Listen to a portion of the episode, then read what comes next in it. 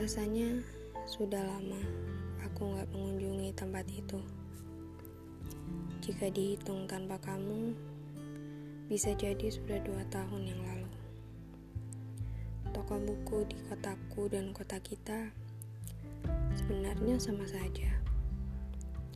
Aroma kertas yang berasal dari kayu dan kadang berdebu di beberapa sudut juga sama.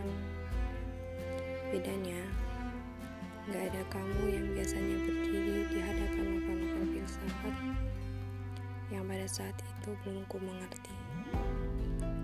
Biasanya, kamu pasti akan meraih sebuah buku yang plastiknya sudah dibuka, lalu membacanya tanpa memperhatikan orang yang berlalu lalang di sekitarmu.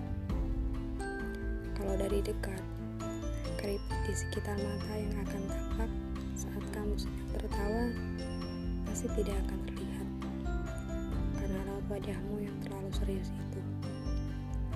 Berbeda dengan aku yang lebih memilih ketumbukan novel remaja yang bagimu terlalu penuh hayalan. Selalu bermuara dengan akhir yang bahagia dan hanya berisikan permasalahan cinta monyet yang berlebihan. Toko buku selalu menjadi tempat di mana kita biasa berdiskusi singkat sambil mendengarkan lagu-lagu balad yang sedang diputar.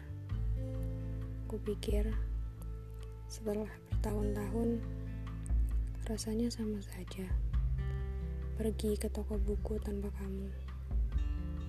Tapi ternyata ada yang hilang.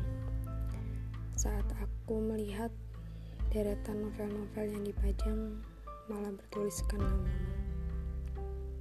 18 Agustus 2019